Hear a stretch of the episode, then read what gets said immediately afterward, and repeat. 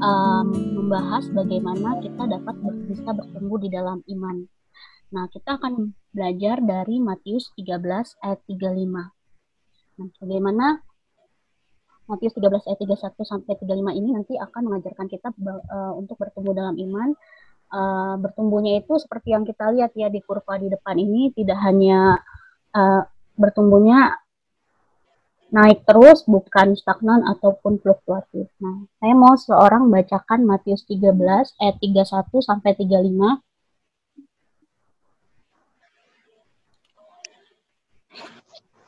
saya mau um, siapa aja boleh baca dengan cepat Matius 31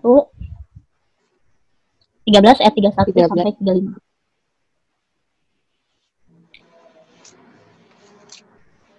Perumpamaan tentang biji sesali dan ragi. Ayat 31 Yesus membentangkan suatu perumpamaan lain lagi kepada mereka katanya, Hal kerjaan sorga itu seumpama biji sesali yang diambil dan ditaburkan orang di ladangnya. Tiga dua, memang biji itu yang paling kecil dari segala jenis benih. Tetapi apabila sudah tumbuh, sesali itu lebih besar daripada sayuran yang lain. Bahkan menjadi pohon.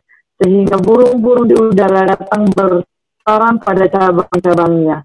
Ayat tiga, dan ia menceritakan perumpamaan ini juga kepada mereka Hal kerajaan surga itu seumpama ragi yang diambil seorang perempuan dan diadukan ke dalam tepung terigu tiga sukat sampai hamil seluruhnya. Yang empat, semuanya itu disampaikan Yesus kepada orang banyak dalam perumpamaan dan tanpa perumpamaan suatu pun tidak disampaikannya kepada mereka. Tiga lima, supaya genaplah firman yang disampaikan oleh Nabi, Aku mau membuka mulutku mengatakan perumpamaan.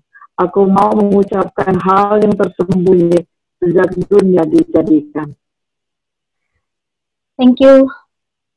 Um, sebelumnya aku mau bertanya nih sama kita semua, apa sih perumpamaan itu? Siapa yang tahu tentang perumpamaan? Apa perumpamaan itu? Ada yang mau jawab?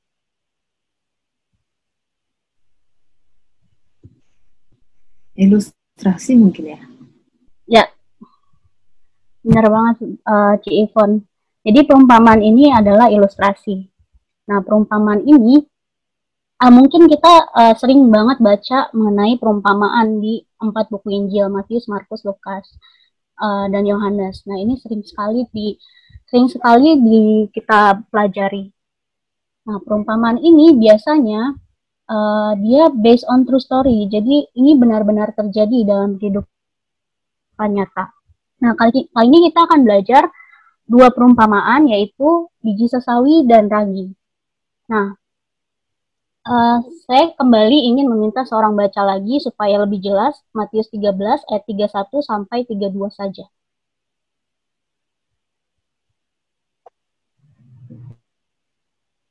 Mungkin Francia bisa bacakan Matius 13 ayat 31 sampai 32. Matius 13 ayat 31 sampai 32. Yesus membentangkan suatu perumpamaan lain kepada mereka, katanya, hal kerajaan surga itu seumpama biji sesawi yang diambil dan ditaburkan orang di ladangnya.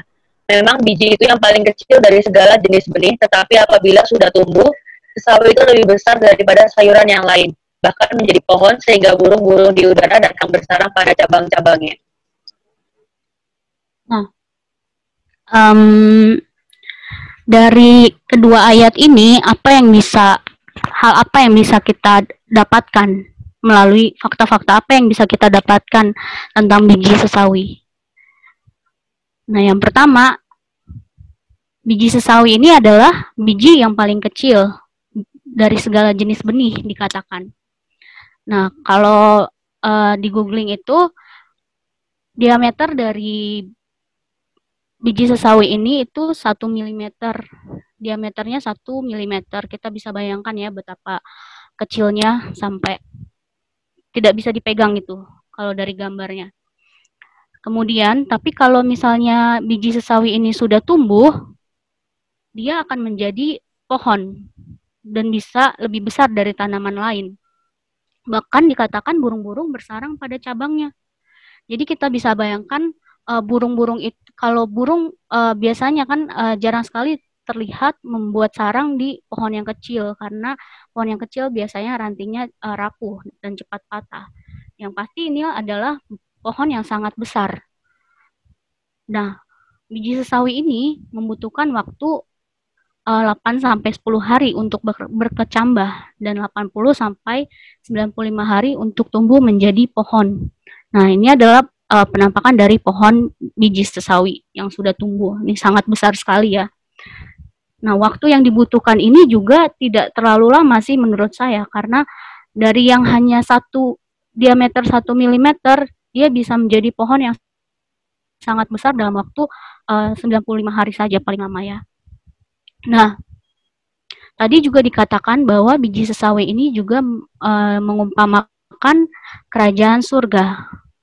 Nah, bagaimana bagaimana uh, kerajaan surga ini um, bagaimana kerajaan surga ini bisa bertumbuh dalam diri kita. Kita akan belajar nanti.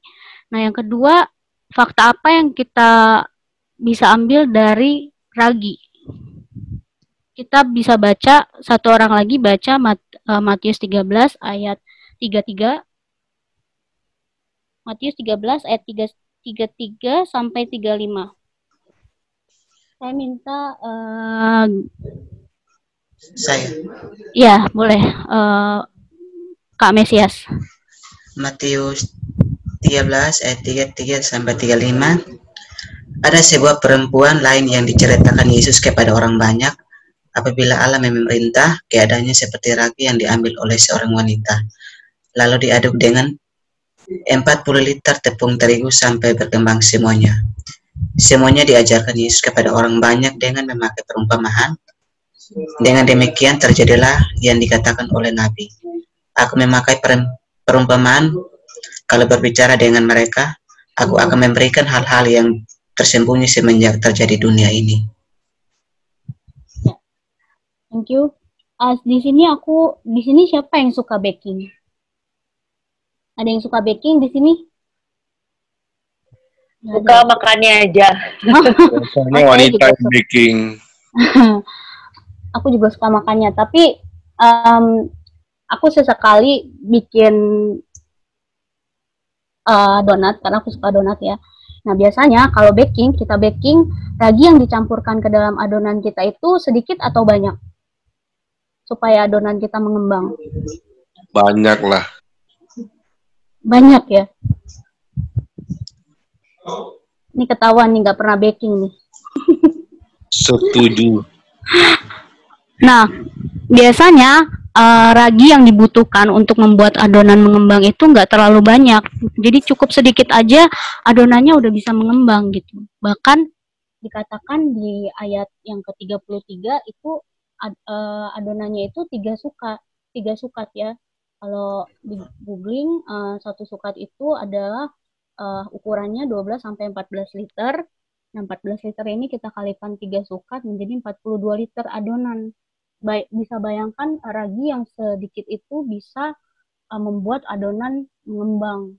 Adonan yang segitu banyak mengembang itu uh, hanya dengan waktu yang singkat. Itu paling lama uh, 30 sampai 40 menit. Nah, dari perumpamaan dari kedua perumpamaan ini uh, kesimpulan apa yang bisa kita ambil? Bahwa sesuatu hal yang sangat kecil itu bisa berubah menjadi besar dalam waktu yang sangat singkat. Nah, tadi juga dikatakan bahwa kedua perumpamaan ini itu mengumpamakan kerajaan surga. Nah, apa yang Alkitab katakan mengenai kerajaan surga, kita buka dalam Lukas 17 ayat 20 sampai 21.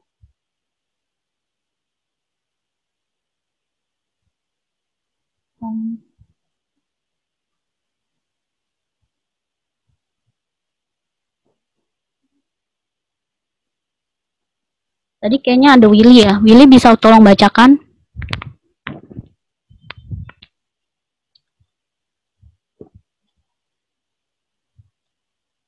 Ya udah siapa aja boleh bacakan dengan cepat Lukas 17 ayat 20 sampai 21.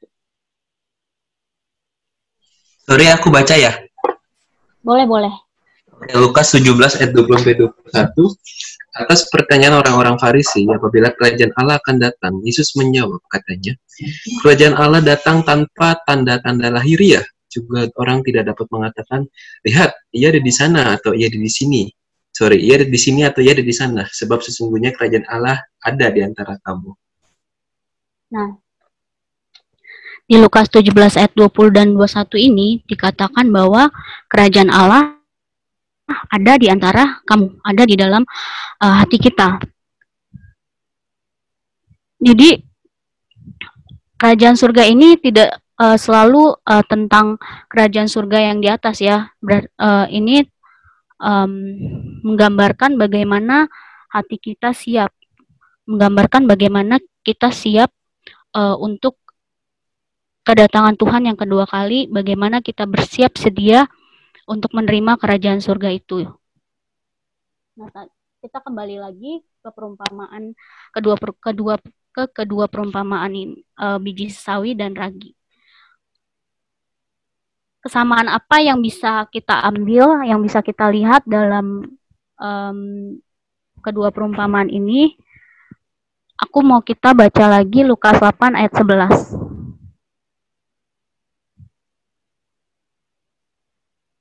Siapa pun boleh baca dengan cepat supaya kita uh, menghemat waktu. Inilah arti perumpamaan itu, benih itu ialah firman Allah. Nah, sangat jelas dikatakan bahwa benih ini adalah firman Allah. Berarti benih yang ditaburkan di ladang itu adalah firman Allah. Selanjutnya aku mau baca juga uh, satu orang baca Galatia 3 ayat 16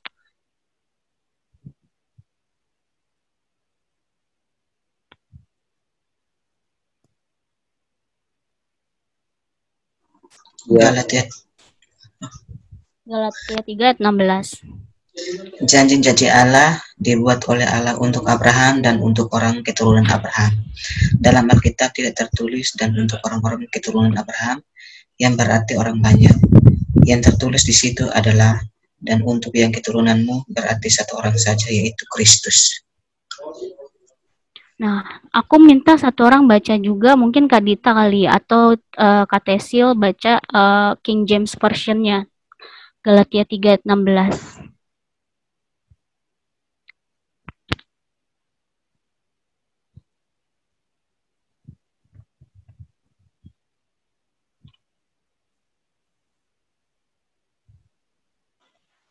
Uh, bentar ya, aku sih lagi buka soalnya tadi pakai Bible. Well, now to Abraham and his seed were the promises made. He said not unto seed as of many, but as of one, and to the seed which is Christ. Nah, di sini dikatakan bahwa uh, benih ini adalah Kristus. Nah,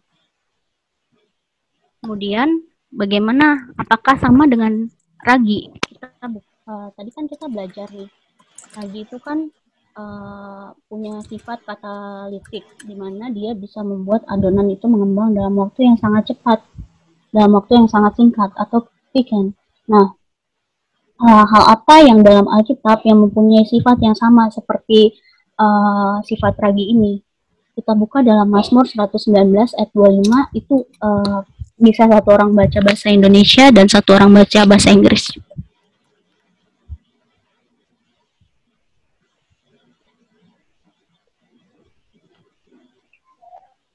Mazmur 119 ayat 25, jiwaku melekat kepada debu, hidupkanlah aku sesuai dengan firman-Mu. Bahasa Inggrisnya King James, My soul cleaveth unto the dust. Quicken thou me according to thy word. Nah, di sini dikatakan juga bahwa firman Tuhan itu mempunyai sifat yang sama, yaitu membuat sesuatu bisa membuat mengubah sesuatu dalam waktu yang sangat singkat. Nah, kita baca lagi dalam Yohanes 6 ayat 63.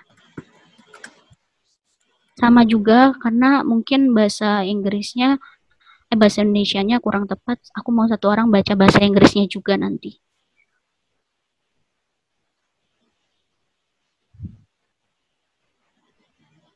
Ya, Yohanes 6 uh, ayat 63. Rohlah yang memberi hidup, daging sama sekali tidak berguna. Perkataan-perkataan yang kukatakan kepadamu adalah roh dan hidup.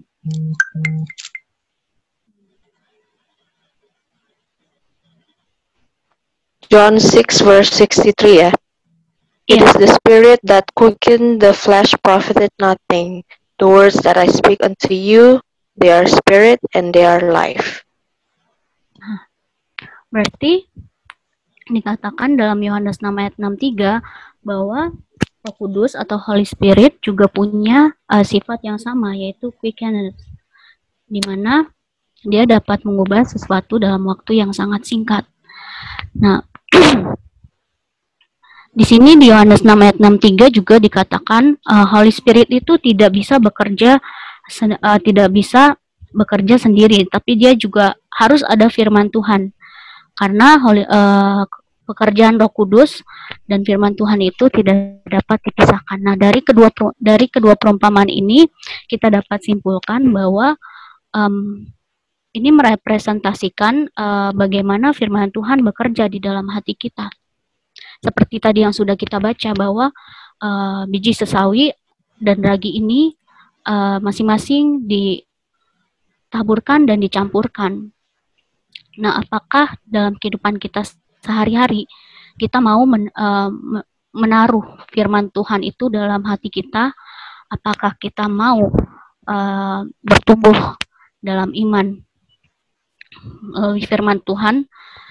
Apakah kita um, apakah kita apakah kita juga um, berdoa supaya Roh Kudus menuntun kita untuk uh, ber, uh, bertumbuh di dalam iman.